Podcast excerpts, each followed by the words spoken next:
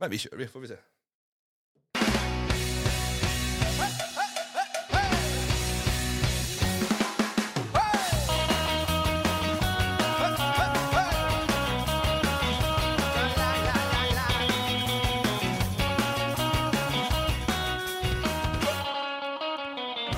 Ja, hej och välkomna till Pappapodden. Att vara pappa, den, då det handlar ju precis just om det. Jag heter Rasmus och sitter här vid mikrofonen och jag har två små grabbar. Eh, en på två år, en på snart två månader. Eh, och det är ju ett herrans liv, det kan ju alla förstå. Men som sagt, vi sitter här och jag har ju med mig en ärad gäst även idag. Eh, sist så hade jag Johan och idag har jag Magnus med mig. Hej Magnus! Tjena, tjena. Alltså, jag förebygger göra något mer av det här. Alltså, världens knepigaste intro kan jag tycka till vår pappa. Liksom. Det där är glatt och positivt. Alltså, det där harmonerar kanske lite dåligt med alla dagar och vår pappa. Absolut. Eh, och grejen är ju den att du- lyssnarna får ju höra även slutet på den här, i slutet så kommer det gå ju den som outro. Eh, det här är ju faktiskt lite kul att du tar upp det här. Det här är en låt som eh, några kompisar, eller en av mina kompisar som jag gick i Kristinehamn, han var med i det här bandet eh, som heter Knäckta Kungar. Låten heter Sluta fightas. Och det var därför jag tyckte den passade bra, för om man lyssnar på texten sen, vi kommer ju inte så långt i introt, men där är det ganska ja, utpekat hur, hur, hur det kan kännas att vara pappa när det bara bråkas överallt. Nice! Så att vi, kan, vi kan ta och lyssna lite på den sen får vi se. Eh, jag vill i alla fall säga he- hej och välkommen till dig. Jag tänkte vi tar en liten sån här lära känna dig här nu. Okej. En, eh, så får vi se vad du är för liten filur. Och jag tänker så här, eh, situationsmässigt, vi börjar eh, familjesituation. Fru, sambo, eller vad, hur ser det Okej, ut? det var så du tänkte. Ja. Jag har en, en eh, fru. Eh, Jag har två hemmavarande barn. Jag har två bortavarande barn som eh, finns på lite olika ställen här i världen. Ja. Har du några djur? Ja, eh, två katter just nu. Två katter? Ja.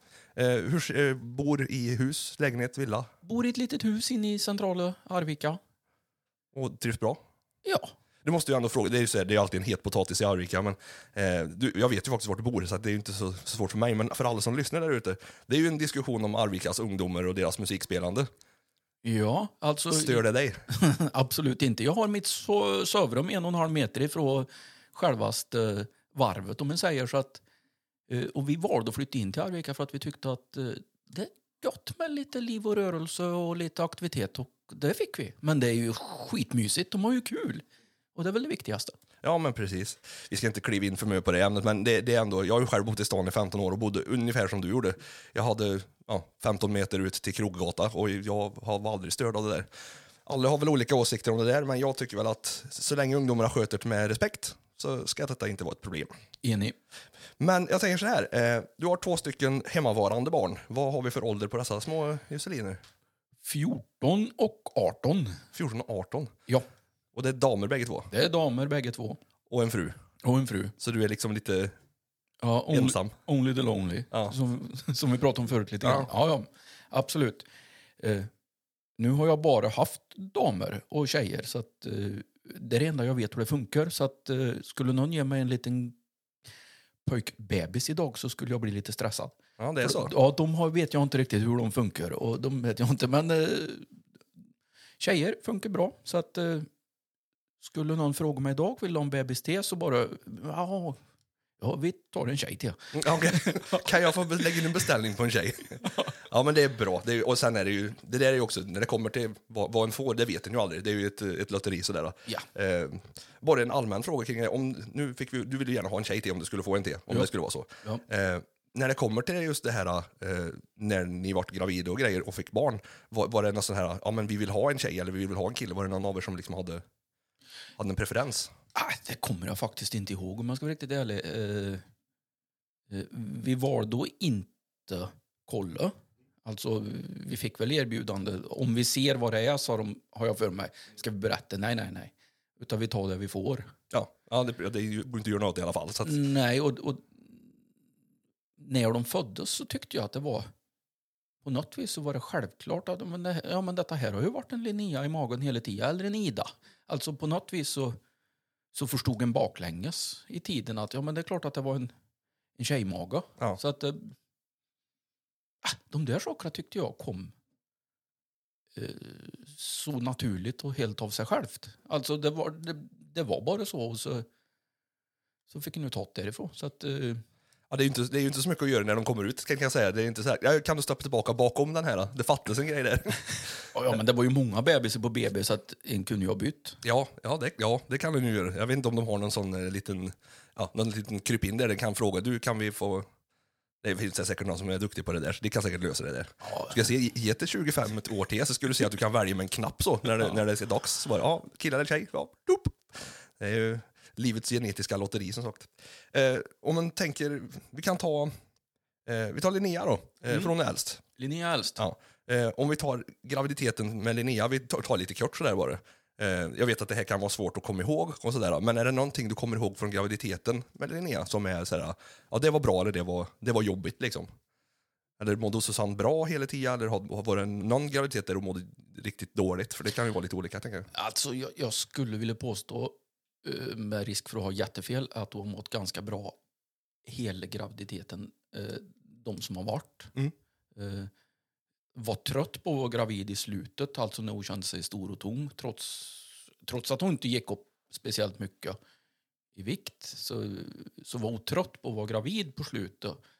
Men jag skulle vilja påstå att någonstans mitt under graviditeten så så mådde hon, tror jag, både fysiskt och psykiskt väldigt bra som kvinna. Alltså hon kände sig kvinnlig och... Eh, alltså det var... Ja, nej, så jag, jag tycker att graviditeter har... För min del har jag inte känt något obehag. Nej, nej, det, nej men det, och det där är ju också väldigt olika. För det har, ju, jag har ju googlat lite och kollat lite och pratat med folk runt omkring innan jag började spela in och sådär.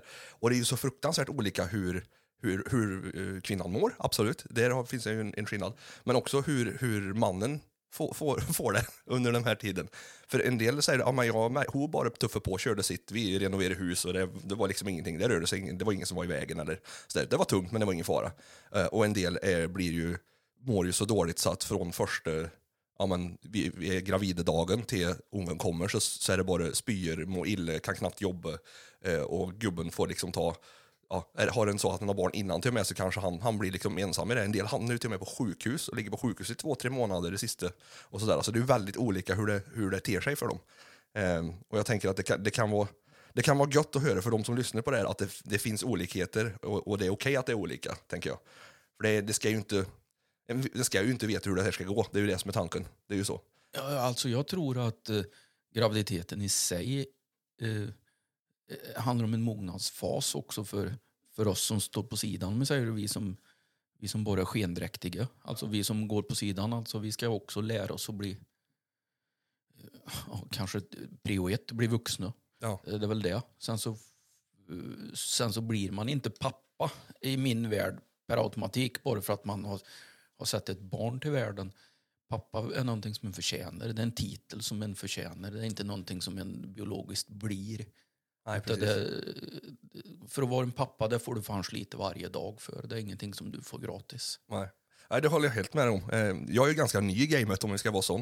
Eh, Men jag, kan, jag förstår precis vad du menar. Jag tror också det att det, eh, det kanske är lite hårt sagt, men jag kan tycka ibland så grundar på om inte det skulle behövas körkort på, på att få vara med tjejer ibland. För en del ska nog fasiken inte göra det. För tyvärr så är det, ja men på riktigt, det är ju lite så att Precis som du säger, att att vara pappa det är, det är ingenting du bara blir, utan det förtjänar du. Och en del ska kanske låta bli. Eh, och en del kanske ska vänta lite. Eh, för att den är inte färdig än med livet. Och det får den också förstå, att en del är inte färdiga. Men jag tycker nog kanske att eh, det blir väldigt många barn här i världen som tyvärr blir utan pappa för att han väljer att kliva åt sidan och grejer. Och det kan vara en ganska känslig fråga inom pappakretsen med alla oss pappor som är här och sådär. Att, och gör en sig förtjänt av att vara pappa och så vidare. Eh, men jag, jag tror att många av dem som, som kommer sitta i stolen här har gjort sig det. Eh, för jag skulle nog tycka det var lite pinsamt om det inte var så. Men det, det får vi märka under, under programmernas gång. Men det är, ju, det är ju ändå en del av det och det, det får ju heller inte skymma med det heller. Alltså, det är inte så här, här gör vi en pappapodd och alla är bäst i världen som är pappa här och gör eh, världens bästa pappor som kommer hit. För en är inte världens bästa pappa alla dagar. Så är det ju faktiskt. Jag har ju haft dagar där jag liksom känt hur, alltså, det var någon gång första, jag vet inte vad gammal han var, äldste då, men han, ja, han kom och hälsade på mig vid dörren och så, ja, det var slippt och halkigt och så hade jag matkassen i ena handen och så kröp han upp och så hann jag inte liksom med att greppa ordentligt så han liksom gled ur greppet på mig. Jag satt ju på knä så det var inte högt men han damp ju ner i golvet. Och då känner den sig som världens sämsta pappa när den tappar sin egen unge. Visserligen 20 centimeter men det är ändå grejen liksom. Jag- Jag är helt säker på att eh, nästan alla har slagit sitt barn med skåpdörrar, klämt sitt barns finger i ytterdörrar. Fan, Linnea som helst nu. Henne vände jag ryggen till på skötbordet och gjorde en halvvolt ner i golvet så att det, det sprack det mesta som var. Eh, Golv alltså? nej, Nej, nej, nej. ungen sprack. Så att, men det, det var, vi såg att det var något på insidan. nej, nej, men jag menar alltså... eh, Jag har svårt att säga att jag skulle identifiera det som att vara pappa. Om jag ska vara riktigt ärlig. Jag förstod precis vad du menar, men, men jag tror att det handlar om att ha hjärtat med sig. Alltså, du ska se dina barn, du ska lyssna på dina barn, du ska finnas där för dina barn. Eh, så att, eh, att en sen bottar dem ut för trappa eller något sånt här, det, det må väl vara hänt. Mm, det är sånt Alltså- som händer. ja, lite grann. Alltså, eh, skrubbsår, blåmärke och ett och annat stygn. Det är väl bara någon form av medaljer på att du har levt livet. Alltså. Ja, och det, tänkte, just när vi går in lite på det, för det här har vi en liten, eh, liten frågeställning kring eh, som jag har funderat på en liten stund. Just det här med dagens ungdomar eller dagens curlande som försiggår med barnen. Eh, som jag har märkt av själv. Eh, vi har ju barn på dagis och lite sådana här grejer. Eh, att barn får ju absolut inte slå sig i dagens läge. Det, det är liksom, har de ett skrubbsår när de kommer från dagis så kan få dagispersonalen få världens utskällningar till föräldrar och grejer. Och jag är ju inte åt det hållet, jag är ju åt andra hållet. Jag kan ju tycka att kommer han hem med ett skrubbsår så vet jag, okej vad bra, han har varit med och läckt han. Han har inte suttit på en stol och, och, och inte gjort ett skit. Eh, för jag tänker att någonstans är det lite så här, alltså barn kommer slå sig. Givetvis, vaddera lite hörn som är livsfarliga för att springa in i som är i ögonhöjd där det kan förstöra någonting vitalt. Men jag menar, de kommer att stupa ner och de kommer att hoppa och slå sig och det, det kommer att vara någon vurpa där bakhuvudet slås i. Och det är samma sak, jag menar, hur många vurpor gjorde de själv inte ut på isen med skridskor utan hjälm liksom och sådana här grejer. Är, är det lite för, för, för hårt? Det ska vara liksom vadderat och cykelhjälmar och, och krockskydd och grejer överallt. Krockskydd i bil, fine, men jag menar allmänt på, runt ungarna. Ska det inte få, få leva livet lite och slå sig lite först? Absolut. Jag, alltså jag är väl av den åsikten att det är väl jättebra om de slår sig. Mm. Alltså, det, är väl till och med jättebra om de bryter ett ben. Alltså... Så det, men men sen, sen så kan den ju, precis som du sa, en kommer ihåg när den själv var liten och jag menar nu slänger jag mot 50 år så att jag menar det är ju...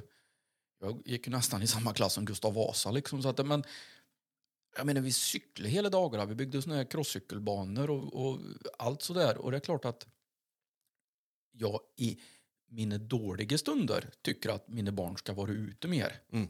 Nu är de kanske inte så mycket barn längre, men, men det är klart ni ska vara ute och göra det här och det här och det här. För så gjorde pappa när han var liten och se vad bra jag blev. Alltså bara, jag hatar mig själv när jag säger det. Se vad bra det gick för mig. Ja, alltså, precis.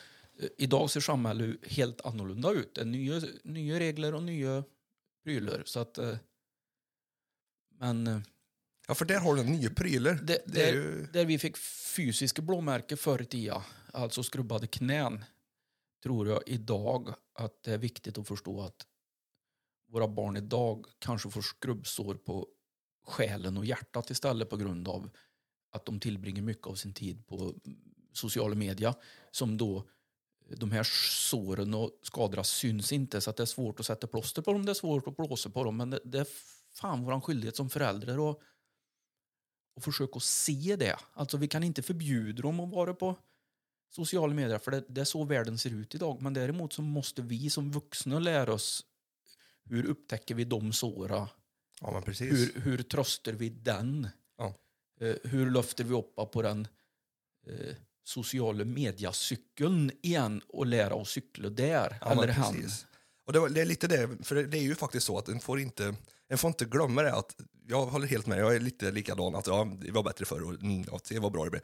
Men det ser ju inte ut så idag. En måste ju komma ihåg det att den lekplatsen vi växte upp på, eller skogen, eller vart det nu var, det ser ju inte ut så idag. Det, det är ju så. Deras tid är ju mycket mer digital än analog, så som vi hade det. Jag menar, en annan var det ju, okej, du får spela lite tv-spel när du har gjort läxorna och om det regnar, annars så ska du ut och leka liksom. Ja. Eh, och så är det ju inte idag. Och det är ju tråkigt att en, en kanske inte kan spendera lika mycket utetid med sina barn när de blir lite äldre. När de är små så är det ju kanske inte så mycket sociala medier och skärmar, men, men när de blir äldre så måste ni förstå deras livssituation eller vart de växer upp.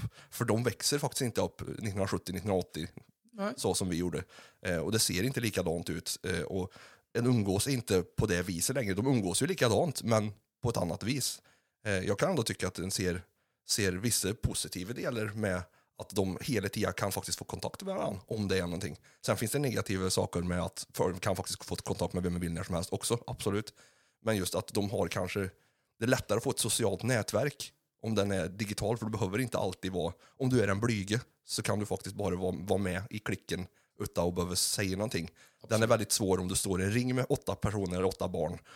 Då kommer de ju liksom kanske singla ut dig på ett annat vis. Men är du bara med i gruppen eller är med på ja, den här Facebook-sidan eller vart det nu är, vilka sociala medier, så kan du ändå få vara med. Liksom. Ja. Så det finns ju många olika delar av det. Ja, ja, precis. Men eh, jag tror ju, precis som vi sa, att våra föräldrar inte, när vi hade konflikter med dem, att ni fattar ingenting bara för att så här var det inte när ni var små. Alltså, nu sitter vi där själva Ja. och eh, det gäller att försöka komma ihåg den känslan, tror jag, när man pratar med sina egna föräldrar om att ni fattar ingenting. Alltså vad, vad ensam man kände sig, eller vad liten man kände sig, vad misstrodd man kände sig.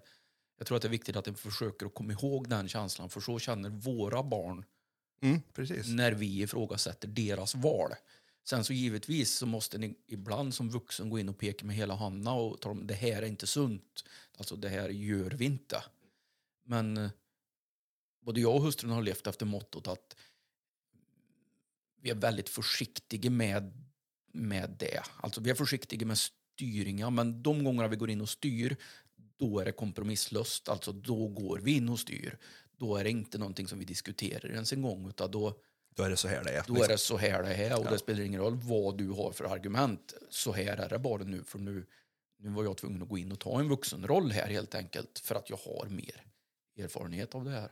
Jag, tänker, om man säger så här, för det här, det vi pratar om idag, eller som, som vi pratar lite grann om, det är ju, du lever ju med två vuxna barn nu. Ja. Eh, De är ju, ja, men de är, de är ju i övre tonåren. Eh, och jag tänker, den här delen, för de har ju också växt upp i, i den här utvecklingen av social media.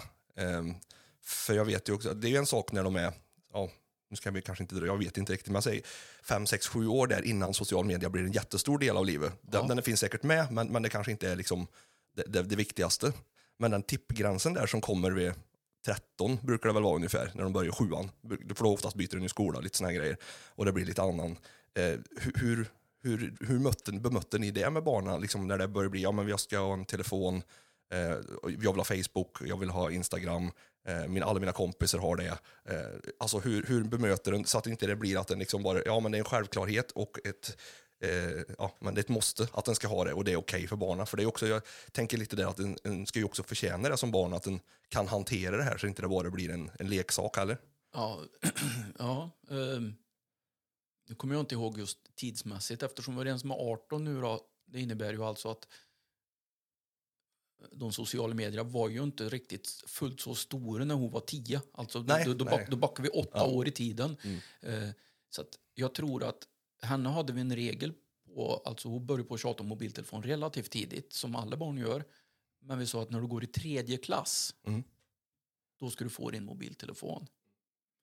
Eh, och jag är ganska säker på att de enkla reglerna var så här. Alltså att, nej men vi litar på att du sköter din mobiltelefon. Alltså då, då menar jag med etik och moral, hur man beter sig. Mm, Att in, inte fysiskt sköter den utav så. Och för att vi ska ha koll på det så får, ska vi ha tillgång till alla dina lösenord. Mm. Och vi får när vi vill gå in i din telefon och titta på all historik. Alltså titta på konversationer du har haft med kompisar, titta på... Och, och det är lite intressant, för den där diskussionen hade vi alltså med Linnea när hon gick i tredje klass. Då är du nio. Ja, Ja. ja. Mm. Hon blir 18 nu i år. ja det är nio år sedan då. Ja. Mm. Det innebär faktiskt att hennes mobiltelefon ligger fortsatt på tv-rumsbordet och hon skulle tycka att det är helt okej att jag tar hennes mobiltelefon och går igenom hennes mobiltelefon. Utan hon skulle, hon skulle inte vicka på ögonbrynen ens en gång. Nej. Nej, Och det, där har du, det kan jag tänka är också en ganska viktig del, att det här inte kommer, att du väntar till de är 13, utan att det här ska vara tidigt. För jag, jag tänker också att hade du väntat tills så fyllde, säg att ja, men du får ingen telefon förrän du fyller 12, för du behöver inte ha en telefon. Eh, och när du, ja, mellan 12 och 13, du ska ju börja sjuan, ja, men du får din telefon när du fyller 12, då har du ett år att lära dig telefon och det funkar, eh, och så vidare. Jag tror att redan där har du gjort ett ganska stort generalfel. För att då har, du, inte- då har inte det här funnits med, tilliten har inte funnits med så länge. Så att och säga till en tonåring, du jag tänker gå igenom din telefon när jag vill, hur som helst. Det kommer aldrig funka. Men så jag tror att det var jättebra. Alltså det var premisser som sattes upp för att du skulle få en telefon. Alltså de här reglerna fanns före telefonen fanns. Ja. Ja, men, och jag, tror- jag tror att det, är, det är någonting som ni som lyssnar kanske tar med er det. Eh, all, absolut, det är inte så att alla familjer funkar lika, alla barn funkar lika. Men det här kan nog vara en ganska bra grej att ta med sig om det är så att den har små barn som börjar komma upp i den åldern där de frågar efter telefoner och grejer. Så det är i alla fall ett sätt att pröva och gå tillväga på. Sen så ska jag väl villigt erkänna att jag tror egentligen att jag aldrig har gått igenom hennes telefon. Nej, nej, nej, men det behöver ni inte ha gjort. Jag tänker bara att finns det, sen så när den ligger på bordet där så vet ju inte hon det. Nej, Och det, den, att hon inte vet det är väl det som är grejen egentligen. För att då blir det aldrig att du behöver gå igenom telefon för att hon antar att du gjort.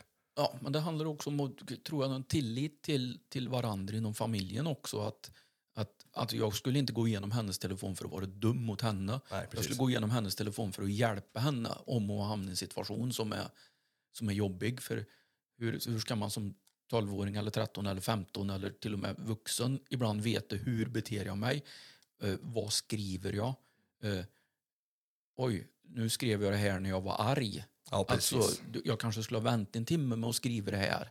För att eh, det där är ju så, så svårt. Alltså jag vill ju absolut inte att mina barn får inte skada någon annan. Alltså de får inte, de får inte göra någon annan ledsen. Nej. Det kanske jag tycker är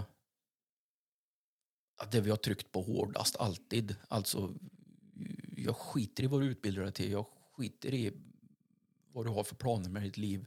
Alltså, det, alltså bara du är lycklig och är snäll. Mm. Alltså det, det, det är de två kriterierna som, som finns.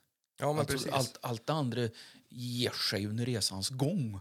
Ja, och där har vi också, för det tänkte jag faktiskt fråga om. Jag, nu sitter vi ju precis i samma sits fast två olika. Du har vuxna barn och jag har små barn. Jag har två pojkar och du har två flickor. Jag tänker ju så här, för jag tänker precis som du när det kommer till hur jag vill att mina barn ska bli och hur de ska vara. Eh, och speciellt nu eh, så är det ju just det här med hur en hanterar och eh, beter sig kring kvinnor. Det är liksom det största. Som jag, alltså, jag ska, mina pojkar ska fan inte vara elaka mot flickor. För det är nå- någonting jag inte tar så är det just, just det. Eh, den ska vara snäll mot alla, det är inte snack om saken. Men just den här eh, ja, men metoo-rörelsen som var för något år sedan, att det, att det blir mycket sådana grejer eh, genom sociala medier. Att ja, många tar sig friheten och uttrycker sig lite hur de vill eh, och sådär kring tjejer på nätet med mera. Ja, ja. Och det där är jag, det är jag lite orolig för eftersom att mina pojkar växer upp nu efter det här. De var inte, alltså en del av pojkarna som var 13, 14, 15 när metoo var, de kanske fick sig en smäll på näsa och kanske tänker till. Hoppas jag. ja. Eh, de som kommer efter kan ni hoppas på att det finns föräldrar som, som eh, var med och förstår att det här och, och liksom implementerar det här på sina eh, barn och liksom ser till att, att alltid tänka ett steg längre. Det är alltid, du måste alltid eh, fråga. Det ska vara konsensus liksom om man vill kramas, pussas och allt det där eh, när det kommer till den delen och att den är en, en, en uppfostrar sina, sina pojkar till att bli eh, riktiga män som, som, som tar ansvar, som inte slår flickor, som inte säger något elakt eh, till flickor på, på sociala medier, utan en, en kan vara ovän med flickor, det är inte det jag menar, men en, en beter sig med respekt. För det kan jag tycka att det, det är lite dåligt med ibland, när det kommer till det, tyvärr. Ja, jag jag är beredd att hålla med dig och, och jag tror att, eh, nu tror jag eftersom jag bara har haft tjejer, alltså som man eller pappa och så får pojkar och så ska du uppfostra dem. Eh, jag tror att det är så otroligt lätt att, att ramla ner i det klassiska mansdiket, alltså och, och trycka på det här att ja, men du är pojk, res dig upp, borsta av knäa, du ska inte vara ledsen, åh vad stark du är. Du får beröm för att du är stark, du får beröm för att du är snabb, eh, du får beröm för att du är händig, du får beröm för att du lär dig att cykla fort och du får alltså de- här klassiska mansgrejerna. Men alltså, ger du en pojk beröm för att han gråter? Nej. Jag, tror inte det, har- jag tror inte det finns en pojk idag som har fått beröm för att han gråt. För att Nej. han visar känslor, för att han sa att han var rädd. Mm. Nej, men han får beröm när han vågar sova med lampa släckt, även fast han håller på att skita ner sig. Nej, nej, sluta med det där. Alltså, eh, jag tror att det är viktigt att jobba med känslor, spektrat på pojkar. Alltså att de spelar fotboll och att de cyklar, det sköter samhället om. Alltså så att föräldraansvaret ligger på, på, på den känslomässiga sidan. Våga visa känslor. Mm, precis. Jag tror också att många, det som du säger, när det blir en, en instängd, alltså du stänger in, eh, en ska inte gråta, visa, du ska visa dig stark och sådär. Det, det gör ju också att, gör du det här redan från början, eh, det sätter pränt på livet liksom. Eh, för jag, jag, tänker, nu, tänker, nu ska inte jag nämna namn och sådär, men utifrån situationer jag själv har suttit eh, där jag kanske har varit typ på begravning när någon närstående har dött. Och så ser jag, jag är en känslomänniska, jag gråter som, en, som ett barn. För jag tycker, alltså det, det, jag mår väldigt gott av det efteråt och det, det är helt okej okay att gråta. Jag kan nästan gråta på någon annans begravning också. För att bara känslan av, av det som finns runt omkring en kan vara känslosamt. Så att ja. En, ja. Och så ser en folk som en har runt sig som, som bara är helt stoneface. Liksom. De visar inte ingenting. Visst, du ser att de är ledsna men det kommer inte en tår utan det är bara det ska inte, det ska inte visas liksom. Och det, det tycker jag är lite sörjligt för då, har du på sätt och vis också som, om vi pratar på mansrollen i alla fall, missat någonting. För det här med känslodelen, det kan jag ändå tycka, ska du ja, finna dig en fru och skaffa dig barn och familj och grejer, då måste du nog kanske veta hur du ska uttrycka dig i ditt känslospektra, för kan du inte det, då blir det kanske inte något långvarigt förhållande. Det, ja, men det kan ju vara lite svårt, nej, nej, för alltså, det blir antingen explosion eller ingenting, tänker jag. Ja, precis. Känslor kan, ska ju ut i vilket fall som helst, har jag någon känsla av. Eh, och det är väl bra om de kommer ut i någon form av eh, form som inte skadar andra människor. Att du inte blir fysiskt dum eller eh, psykiskt dum. Utan för grejen är att du, du kommer aldrig må bättre av att ge dig på andra människor, varken fysiskt eller psykiskt. Så att, eh, Nej, men precis. Eh, det... Våga erkänna att du är liten och, och ledsen och rädd istället. Så, så kommer du upptäcka att du blir stor och stark. Ja, det var fint sagt tyckte ja. jag. Det ska vi komma ihåg. Eh, nu har vi ju gled lite lätt av ämnet här, och det, men så är det ju det. Eh, det, det visste vi väl? Ja, men det är precis. Det är så det blir. Men det är också det som är intressant, för den kan ju komma på saker som man kanske inte hade tänkt på innan. Eh, jag tänkte så här, vi, jag vill prata lite mer om just det här med tonårsdelen här. Eh, med att leva med ton, tonåringar i huset. Eh, och jag tänker, nu får du rätta mig om jag har fel, men ni flyttade in till Arvika för fyra, fyra, fem år sedan? Ja, alltså jag och tid, men säg tre år sedan då, i alla fall. Så, så är vi någonstans emellan? Ja, precis. Ja, men då, då, då, ni flyttade inte in till stan typ när Ida skulle börja femman, sexan någonstans där. Jo, ja. det stämmer. Ja. Och nu går du i sjuan. Sjuan, ja. ja, precis, ja. Jag, jag tror du började i femman i, i, i Dottervik, ja. ja precis. Eh, och då fick ni ju det här, för jag tänker, ni har ju bott på, vi behöver inte gå geografin runt omkring er, men ni har bott lite utanför Arvika, eh, någon mil utanför. Eh, och där har det funnits en, en skola där alla har gått på tills de går ettan till sexan. Och det är även dagis på samma ställe, eller fritids och sånt där. Jajamän. Eh, och det har funkat inte riktigt va? Var det inte så? Nej, det, det, det funkar inte alls. Utan vi fick göra ett val att ta den yngste ur skolan. Ja. För att, uh, uh, ja, hon var mobbad helt enkelt uh, i skolan och skolan tog inte sitt ansvar. Nej. Så att vi fick gå till kommunen och kommunen sa att nej, nej, nej, så här ska ni inte behöva vara. Ida, vi lovar dyrt och heligt, Ida behöver inte gå en dag till på den här skolan som hon går. Nej. Vi löser det här. Eh, och då frågade jag vilken skola är bäst i Arvika just nu. Och då sa de Döttviksskolan. Ja, bra, sa jag. Då får du börja på Döttviksskolan. Får du göra. Och detta här var runt jul. Mm. Så att hon började efter jullov. Alltså hon, vi tog ur henne i skolan i början på december har jag för mig. Sen så gick det över jul. Sen så skulle vi skola in då i femte klass. Där. Och då fick var Susanne med en dag, alltså mamma, och så följde jag med en dag. Och jag följde nog med dag två eller dag tre. Och då var det kanske en sån här, ett sånt här ögonblick i mitt liv som jag kommer att komma ihåg alltid. Ida var jättenervös, hon har varit mobbad genom hela skoltiden. Hon var liten, tyst, försiktig, livrädd. Och så kommer in i den här klassen och alla tittar på Och de säger att ja, men där är din bänk, Ida lite lagom någonstans mitt i fast ändå lite ut på kanten. Så att inte något speciellt åt något håll. Och så pratar de lite. De forcerar inte, de tvingar inte Ida till att säga någonting eller forcera någonting. Så vi har varit där en halvtimme eller någonting så bara sa fröken att ja men då tar ni upp era svenska skrivböcker och så fortsätter ni där ni var förut. Jag, alltså, jag är lite osäker på exakt vad Mm. Ja, det var. ja. Och så såg jag då hur Ida, hur axlarna sjönk ner på Ida för hon visste att ja, men jag har ju ingen sån skrivbok, jag vet ju inte ens vad det är. Så att redan nu så vart jag den, Utan- den udda fågeln igen. Ja, precis. Så tittar den här fröken på Ida och så blinkar hon med ena ögat och så, och så viskar hon lite högt så Kolla i bänken Ida. Ida öppnar bänken. Ja men där ligger Idas svenska skrivbok ifylld. Då har fröken gjort det under sin julledighet.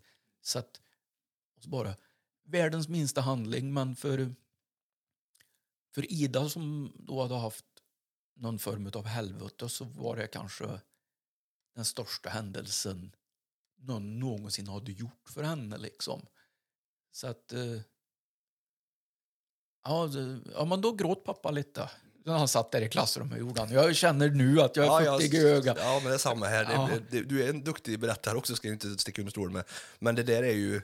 En, alltså jag tycker det är lite jobbigt att lyssna på det där, för just det här att veta vad hon har gått igenom och att det här kommer är ju fantastiskt. Ja, alltså, sen, sen så på något vis så måste man som förälder kanske också visa vägen att det är framåt vi går. Vi sitter inte fast i det gamla utan det är framåt vi går och, och eh, vi fick god hjälp. Ja. Vi fick jättegod hjälp. Fick vi. Eh, det dök upp andra vuxna runt om i Idas liv. Eh, kompisars föräldrar och andra Mm. vuxna. Och vad viktigt det var för oss som föräldrar då att våga släppa taget och inte känna någon konkurrens utan låta Ida få älska de här vuxna. För att hon älskar inte mig mindre, hon älskar inte mamma mindre. Eh, vilket jag tror också ibland kan vara svårt för föräldrar för att de vill alltid vara nummer ett. Ja, precis. Ja, men precis. Det Ja. tänker jag kan vara... Ja, nu, det här har inte jag gått igenom än, men jag tänker att jag kommer ju sitta där en dag när, när mina ungar ja, kommer träffa en, en häftig farbror av något slag. Ja. kan vara en Magnus till exempel. Det vet en aldrig. Eh, och i det läget släpper taget som du säger och, och låter dem få, få en, en favorit som kanske inte är pappa. Pappa är lika mycket favorit ändå, men att det kommer fler favoriter, det kan nog vara jättesvårt tror jag. Men det, det är ju väldigt vuxet och moget även till er som föräldrar att släppa det här. För det kanske var det som behövdes för att, för att Ida skulle växa, tänker jag. Det tror jag med. Framförallt har jag en klok hustru som ibland tar mig i örat och talar om att skärp nu för fan. Det är bra, en behöver ha en sån ibland. Ja. Så nej, nej, men alltså för att vara förälder eller mamma eller pappa innebär inte per automatik att du är nummer ett alltid. Nej, nej absolut Alltså, inte. du, du måste lära sig att se skillnad på det. Och det innebär att du är inte din, dina barns kompis heller. Nej, tänkte precis säga det, för det, måste det är jätteviktigt att se skillnad på. Ja, det vet ju, alltså utifrån perspektivet som jag, du känner ju mig sedan innan, jag har ju jobbat som fritidsledare och fritidspedagog. Eh, där blir det ju väldigt lätt eh, om en storebror, kompisen, extra pappan eller vad det nu kan vara. Eh, och då, då kan det vara lättare för en ungdom att prata med, med mig i det fallet än med, med dig som pappa för att ja, men pappa är ändå pappa och det är svårt och vissa grejer kanske jag inte vill prata med pappa om och sådär än.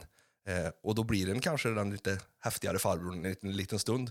Men när det blåser till riktigt då spelar det kanske ingen roll, då är det nog pappan vill hålla i alla fall. absolut. Eh, så, så att, eh, nej, men det, det, det, det är häftigt och det är viktigt och jag tycker det är väldigt härligt att höra hur det ändå löste sig. Liksom, från att det hon har gått igenom till att hon landar någonstans i en, ja, men, som du sa, från ett helvete till att landa i kanske en ganska fin mjuk kudde liksom, tillsammans med, med de här barnen, föräldrar och vuxna runt omkring sig. Absolut, men jag menar, nu har det ju gått många år och det har varit många bra år, eller tre, fyra år eller vad fasen det är. Alltså, som det har varit jättemycket människor. Jättemycket barn, jättemycket vuxna människor som, som verkligen har, har stöttat och försökt ge dem möjligheten att utvecklas som människa. Mm. Eh, sen så när det blåser hårt och det blir lite stökigt så har du fortfarande sviter kvar märker en. Hon blir inbunden och blir tyst. Alltså det är svårt att föra en dialog. Eh, men jag som är väldigt verbal kan ha svårt att respektera det. Eh, men som, alltså det ligger hos mig. Jag måste respektera. Hon måste få sin tid att vara tyst Mm. när vi har hamnat i någon form av konflikt. Alltså vi löser inte den här ikväll, utan vi löser den här imorgon kanske. Men då är det fasen med min skyldighet som vuxen att vara vuxen då och inte forcera någonting utan då får jag fan med ta ett kliv tillbaka. Då får jag gå ut och hugga ved eller någonting om jag har... Ja, men precis. Alltså, men det är lätt att sitta här och vara klok och duktig. Alltså, jag misslyckas som förälder varje dag, gör jag. Eh, Men jag hoppas också att varje dag så blir jag lite, lite bättre förälder. Men eh, mitt föräldraskap ändras ju också varje dag eftersom vi pratar om människor som växer. Absolut. Och då kommer vi till det här som är liksom nästa steg. För det var ju första bytet hon gjorde Ja. eh, till, gat, eller till Döttervik. Ja. Sen så vart det... Sen, nej, friskolan. Friskolan, friskolan. Ja. Eh, och även Linnea gick friskolan, va? Jajamän. Ja. Eh, var, var det så att Linnea gick friskolan och kände att det här är en bra skola, det här skulle nog min lilla, lilla syster passa på också? Eller var det så att shit, nu kommer lilla syster också på samma skola? Hur, hur var den? När de, för då hamnade de ju på samma ställe liksom. Ja, men det, det skiljer fyra år på dem. Ja. Så att de går ju inte på samma ställe. De går, de går ju på samma skolor, fast de går ju aldrig samtidigt på samma skolor. Nej, just det. För, och det ska jag nu säga då, enkelt förklarat. Friskolan det är en del där du har både 7, 8, 9 och gymnasiedel. Ja. Eh, och den är inriktad på musik och annat. Eh, men då, var det, då behövde du liksom aldrig, behöva, det blev ingen crash där i alla fall. Nej, alltså sen så... Sen så är de här två damerna de bästa kompisarna. Ja, de är det. Ja, eh, på något jävla konstigt vis så har vi aldrig haft den här konflikten som folk pratar om syskonkärlek utav grejer. Nej, för fan. De här står back to back de. Det är ingen som ger sig på systrarna Johansson. Då är ni illa ute. Alltså, För det var lite det jag ville komma till nämligen. Ja. Eh, för jag har ju ändå sett, jag, jag kan ju inte prata ur mitt perspektiv eftersom att det här ska ju folk lyssna på. Men, men jag har ju sett dem från, ja men, vad gamla kunde de vara då när, jag, när vi började umgås? De, de var inte gamla. ja, Ida var väl nyfödd va? Ja, hon var, ja, hon var runt där. Hon var ju ett kanske, om ens det. Eh, och jag tänker att från att jag har sett dem sitta i soffa, och det var ju inte direkt något groll där heller. Nej. För jag har aldrig sett det, för jag tänkte det kanske är sånt som man inte får se menar jag. Eh, men jag menar, det, jag har ju bara sett dem, allt från att jag, jag vet, både du och jag satt ju i soffan där när de lekte frisör med oss. Ja. Eh, och där kammas hår och sättas papiljotter och målade lite eh, läppsy, eller vet ja. läppstift och grejer. Eh, till att de satt, för vi är ju musiker bägge två också, vi har ju spelat ihop en del. Ja. Eh, när de satt och var med när vi var ute och spelade. De låg under något bord på någon madrass eh, i logen. eh, och sådär. De, de har ju alltid verkat som Ja, men, jag vet inte, det finns bra ord på samma grej. Men liksom, de, de har alltid hört ihop och det liksom inte vore... En hö, visst det kan vara lite såhär, ja, men ge mig den där, bara, så det, men det, det är aldrig det här, ja men nu pratar de inte med varandra liksom, eller så, utan det har alltid varit väldigt gemytligt och fint. Jag tror att, jag tror att det är eh, kanske stora syster Linnea som är, som är den motorn. Eh, eh, en liten kort pryl bara som inte hört det här. Att det finns, ett, det finns en, en liten Olivia emellan de här två också eh, som är död. Så att Linnea har förlorat en lilla syster en gång i tiden. Yes.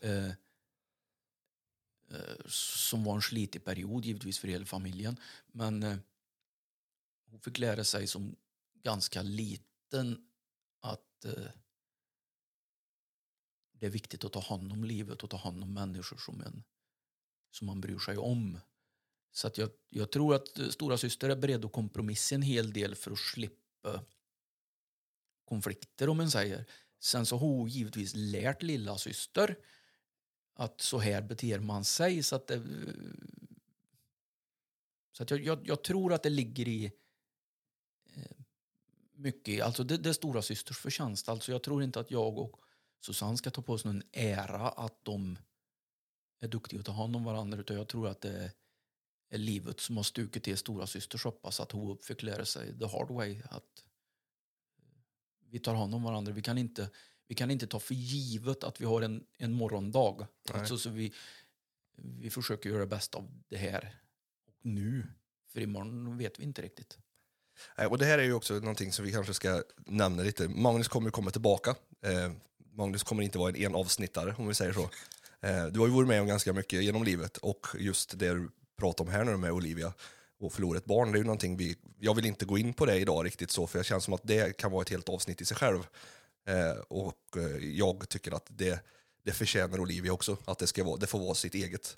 Eh, Så det, det tar vi en annan gång, men det, det är väldigt viktigt att få fram det här att det här är sånt som händer i familjer.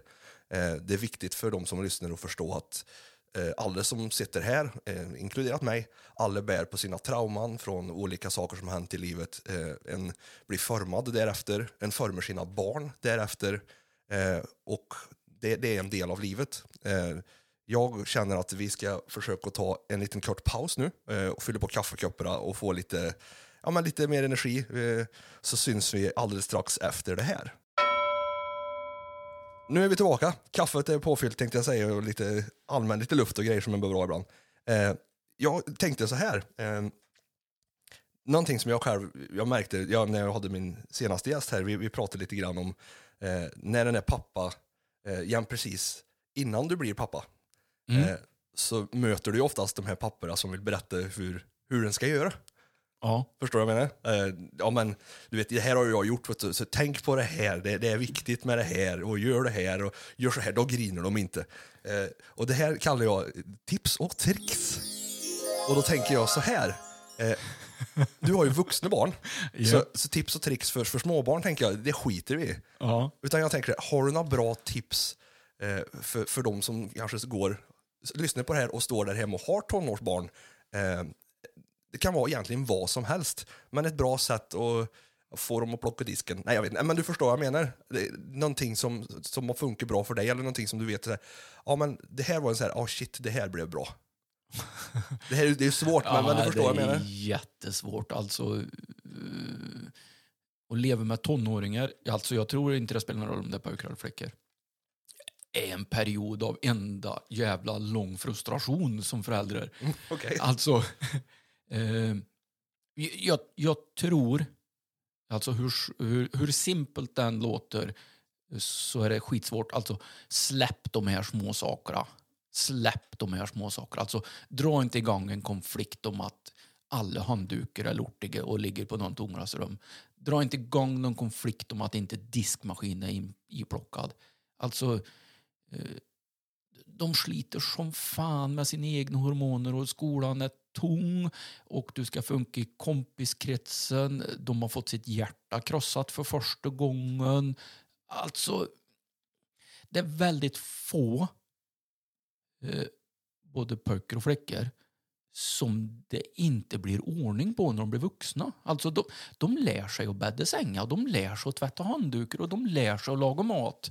Alltså, Eh, alltså jag, jag, jag tror och önskar att, att försöka se dem, försöka finnas där.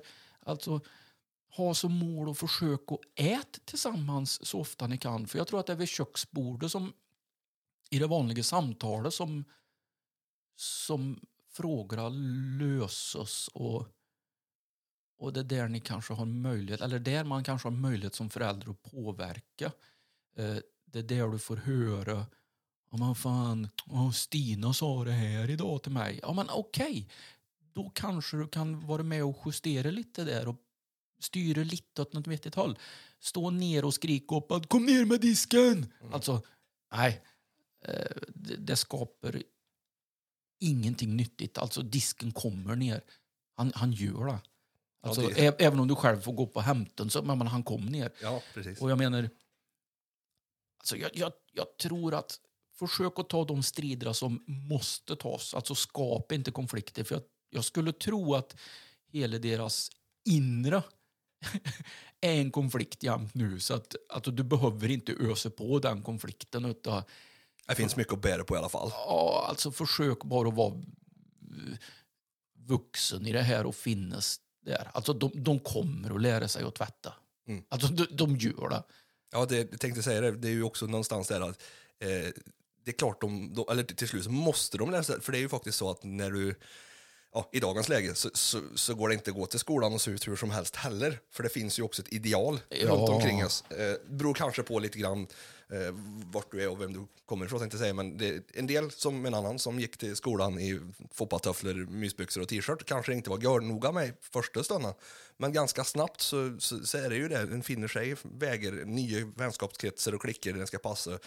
Och då tror jag nog att det är inte jättemånga som är sådär eh, klicken där den inte tvättar kläderna eller inte borstar tänderna. Så att eh, jag, jag tror du har helt rätt där. De, de får med sig det där. Ja, men, det, men alltså det är ju svårt som förälder att inte gnälla på disken eller handdukar eller varför...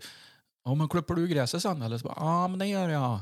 Okej, men alltså sen innebär ju faktiskt den här dagen helst. Ja, efter maten.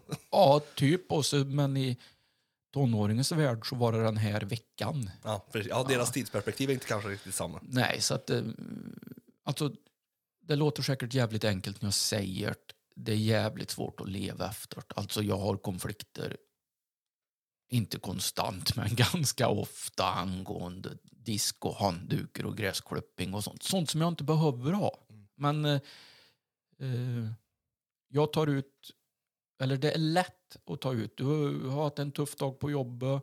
Eh, du biter ihop och knyter näven i ficka, givetvis. Eh, Du säger ingenting till den det berör, utan det familjen får smaka på det istället för det känner du dig trygg. Mm. Eh, Och du vet att de älskar dig i vilket fall som helst, så att då snäser du av någon eller är butter eller otrevlig.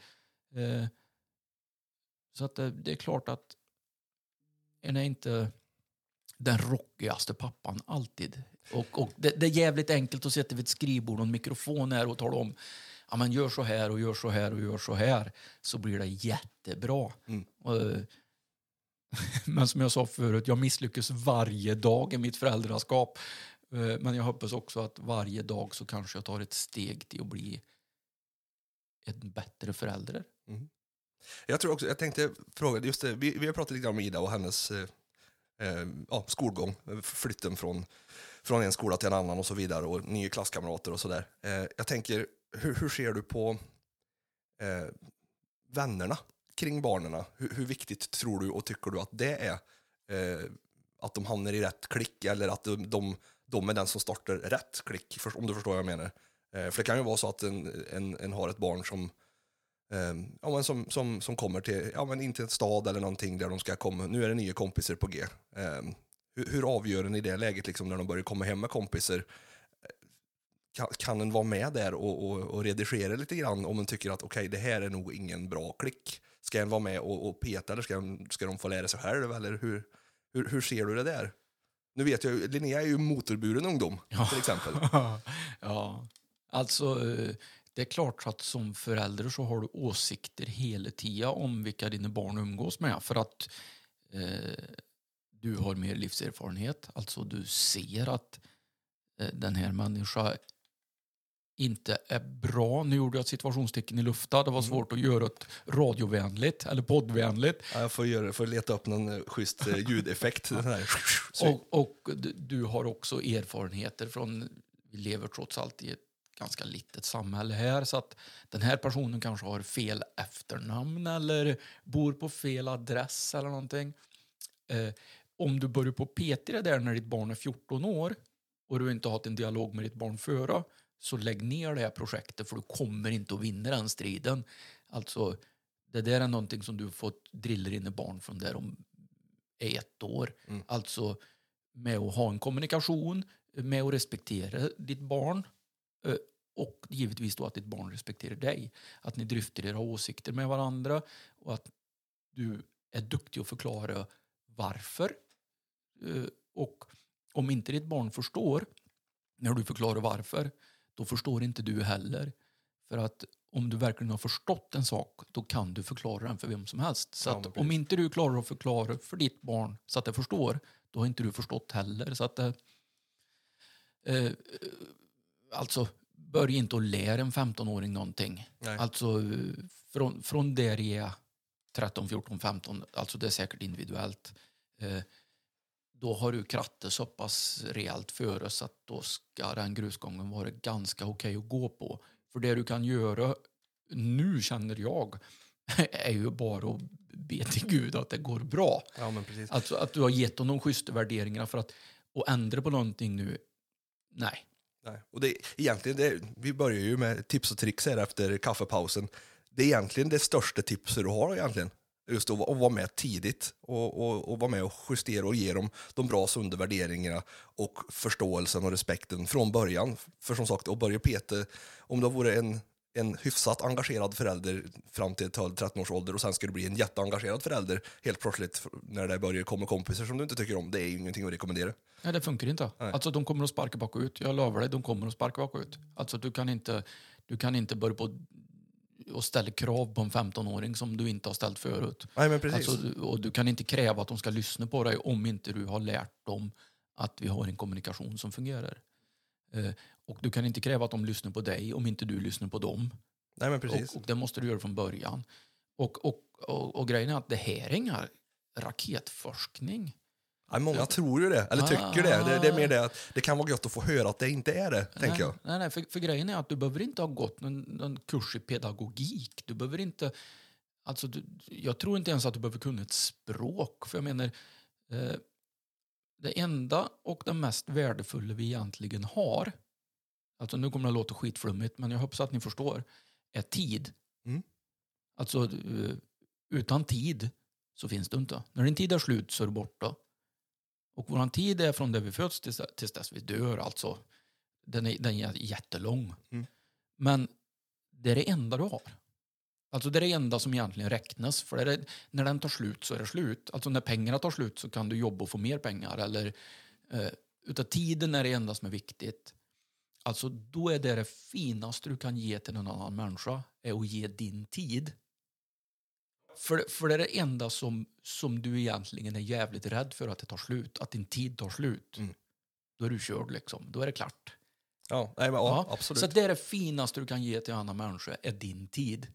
Så att ge det till era barn. Ge, det, ge din tid. Alltså, och du behöver inte Alltså, du, du behöver inte göra något annat än ge din tid. Och då är du på riktigt. Du har ingen telefon, ingen tv, inte så. Utan ge din tid.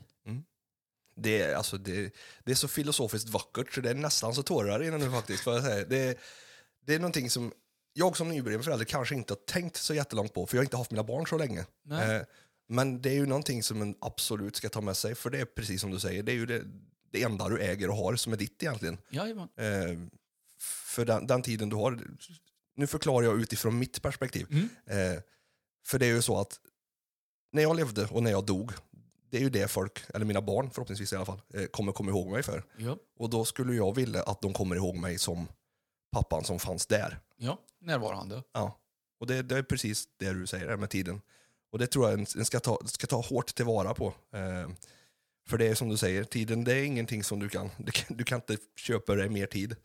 Du- Alltså, du, du kan inte köpslå med tiden. Allt annat kan du trixa och rätta till och fixa och dola och, och jobba hårdare, jobba mindre, jobba bättre. Men tiden, den, den går. Och du kan inte få tillbaka den. Så att ge, alltså, kanske inte bara till dina barn utan till andra människor också. Det är det finaste du kan ge. Ge din tid. Ja men precis. Och när vi ändå pratar om tid, kom då fan inte för sent. För då slösar du på någon annans tid. Och det är höjden av att vara respektlös. Ja, ja, absolut. Ja, jag var inte meningen att skratta. Jag var inte riktigt säker vart du var på väg där. Men ja, nej, men du, ja, vi ska ju alltid säga absolut. Den ska inte slösa med andras tid, för den är lika värdefull som din egen. Ja. Det är ju det viktiga. Eh, och det där, det är nog någonting som alla, oavsett ålder, borde tänka på lite grann. Eh, för en del eh, som man umgås med eh, kanske inte kan det där så bra. Och en del skyller på att de är för tidigt födda eller för sent födda, eller jag kom aldrig i tid för att jag är född på morgonen. Eh, så att det där kan ju vara så. Eh, jag tänker, jag vill- jag har en, en, en liten sista grej som jag tänkte vi skulle ändå vidröra lite grann. Absolut. Eh, för det är ju faktiskt så att du har två stycken tonårsbarn som är döttrar. Ja. Och det innebär ju en sak. Det är ju att antagligen, så, med tanke på att en av dem i alla fall är 18, eh, så står det väl ett brännbollsträd, ett hagelgevär jämt innanför dörren. För det kommer ju komma in den här eh, hemska grejen som vi kallar pojkvänner eller flickvänner beroende på. Hur har det gått, tycker du? Jag tycker att det går alldeles underbart. Tycker jag. Inte en, in, inte en enda i sikte? Eller är det... Jo, då, jag tycker att eh, båda döttrarna verkar ha en, eh, en, ett litet bihang som springer efter dem. Så att jag, menar, för deras del är det väl ett angenämt problem. Ja. Eh, jag tycker egentligen att det är mysigt. Ja. Alltså, vad fasen, det är klart du ska, du ska drabbas av ett brustet hjärta. ja, men precis. Alltså tonårsförälskelse är väl någonting som är kanske både det bästa och det värsta du någonsin har varit med om. Så att jag menar, det, det är väl klart. Eh, Sen så orkar den ju inte låta bli att spänna i ögat dessa när de kommer och bara, jaha, du är här ja. Mm. Ja, och de står där med sin jävla caps och tvinner fram och tillbaka. Så, att, Ja. så att det är ju ganska kul. Ja. Alltså, eh, det har varit väldigt mysiga människor hemma. Alltså väldigt många mysiga pojkar. Och många mysiga flickkompisar också. Eh, Jag tänker det är också ett betyg på det här som du har pratat om med att ge dem bra värderingar. För jag tänker att en väljer ju sina pojkvänner eller flickvänner utifrån de premisser han har runt sig och det han har sett. Förstår du vad jag menar? Alltså, det finns ju någon sån här utredning eller statistik på det här. Alltså att du väljer som flicka så väljer du då pojkvänner som är någon form av kopia av sin pappa. Ja, okej. Och flickor, eller pojkar väljer då eh, flickvänner och hustrur givetvis i längre som är någon form av kopia av sin mamma. Och så det här är alltså över 90 procent. Så att alltså ska jag ge mig börja på klanka ner på Linnea och Idas pojkvänner för det, det är ju troligtvis bara en kopia av mig själv. Så att eh, så att i regel så kommer det in någon sån här halvdampig eh, pojk med varselbyxor och en caps bak och fram som har varit ute och skruvat på bil hela natten. Som presenterar sig som något, Ja, vi säger något, X. äm, något, något ämne. Ja. Och, och det var ett, okej, ja, men fan när jag var 18 så var det nog så det var. Ja, precis. Du låg under motorhuven när klockan var 03.01 för att du var tvungen att få jävla förgasaren. Ja, precis, för att eh, kl- klockan 06.30 till morgon så ska jag på jobb. Ja. Så att, eh, så att på något vis så är de väl bara någon, eh, alltså det är väl bara en avspegling utav mig. Mm. Så att det är klart som fan att jag inte kan klanka ner på dem. För Nej. då skulle jag göra mig själv en örfil. Utan Ja. det, det, det är riktigt bra pojkar som är hemma. Ja, det, det, det, är så, det, är så, ja, men det är klart. Det- Ja, men, ja, men vilka pojkar de har skaffat. Du ser, de är ju som mig. Ja, men det, är- det, ja, men det är ändå ett, så här, jag kan ändå tycka det är kul, för i, eh, igår när jag hade Johan här och vi spelade in, eh, han har ju också en tjej. Eh, hon är ett år, ganska exakt, och fyllde häromdagen. Eh, och vi berörde väl inte ämnet särskilt mycket, men just grejen det där, eh, vi satt och pratade om det på sidan av lite, och han sa det, ja det är lite, lite jobbigt, de bor ju neröver eh, mot eh, Värmskogshållet här. Eh, ja, vi bor ju, det är ju ganska litet, men det är väldigt mycket pojkar. Det är, Sigrid är ju enda flicka liksom. Och det här kanske ska vara lite orolig för om en 13-14 år att det bara är pojkar runt omkring här. Alltså, jag har nog aldrig känt de känslorna. Alltså någon, någon endaste gång. Alltså jag har aldrig varit orolig att, att eller känt mig obekväm eller något sånt här. Utan, alltså det är ju livets gång. Alltså de kommer ju att få pojkvän, flickvän, djurvän. Alltså idag vet en ju inte. Nej, nej, Eh. Så att jag jag ska vara försiktig vad man säger. Men, men jag menar, det, det som svir lite grann, eller det som är lite jobbigt, är ju att det innebär ju faktiskt att det, det kanske bland det tydligaste steg i frigörelseprocessen. Mm. Alltså att skapa sin egen värld och skapa sin egen eh, sin egen liv, sin egen bubbla att vara i. Och, och jag, det som gör mig lite ont i hjärtat är ju att jag kommer att tappa de här småflickorna här nu. Mm. Alltså de är ju inte småflickor längre utan nu kommer de ju att försvinna ur Ja. mitt liv. För att nu ska de göra sin egen plats i världen. Ja, Och precis. det kan de inte göra när pappa är med. Alltså så enkelt är det. De måste göra det här själv. Eh, och det kommer att vara några år som jag kommer att ha mindre kontakt med dem. Ja, ja. Alltså jag säger inte att jag kommer att ha ingen kontakt, men mindre kontakt. Det är bara naturligt, för de kommer att vara helt uppe i sitt liv och bilda sin familj. Sen så tror jag att någonstans kanske 27, 28, 30, 32 någonstans där så kommer de tillbaka. Och Behöver morfar. Ja, nej men också då har de också blivit formade som vuxna. Och då, då börjar ett nytt kapitel. Mm. Då ska Så- vi forma en ny relation här, jag och min dotter, fast som två vuxna. Alltså det är spännande. Jag, jag gillar det egentligen, men det- är en period som jag kommer att sakna dem. Mm, ja, men det förstår jag. Jag tänker också att det ger ju också uppslag för en ny podd för oss där. Morfarspodden! Ja, morfar och farfarspodden. Ja, ja, Hur är det att vara morfar? Liksom, Eller farfar. Ja. Eh, så det, det är absolut. Jag, jag tänker jag skulle vilja beröra en liten punkt, det sista. Kör. Eh, och det är egentligen det är ingen punkt på det viset, eh, utan det är väl kanske lite mer bara sådär, hur tycker du det är att vara pappa? Utan att vara pappa så är jag ingenting. Där har vi de fina stolarna kan jag säga, skulle jag vilja påstå. Ni har hört ett avsnitt av Att vara pappa. Eh, en podd som finns på, ja, där poddar finns, Spotify med mera. Eh, ni får jättegärna kliva in på våran eh, Instagram eller våran Facebook och kika lite. finns massa roligt där. Och för de som eh, vill lyssna lite på musiken så låter vi den gå. Här är alltså Knäckta Kungar med Sluta fightas.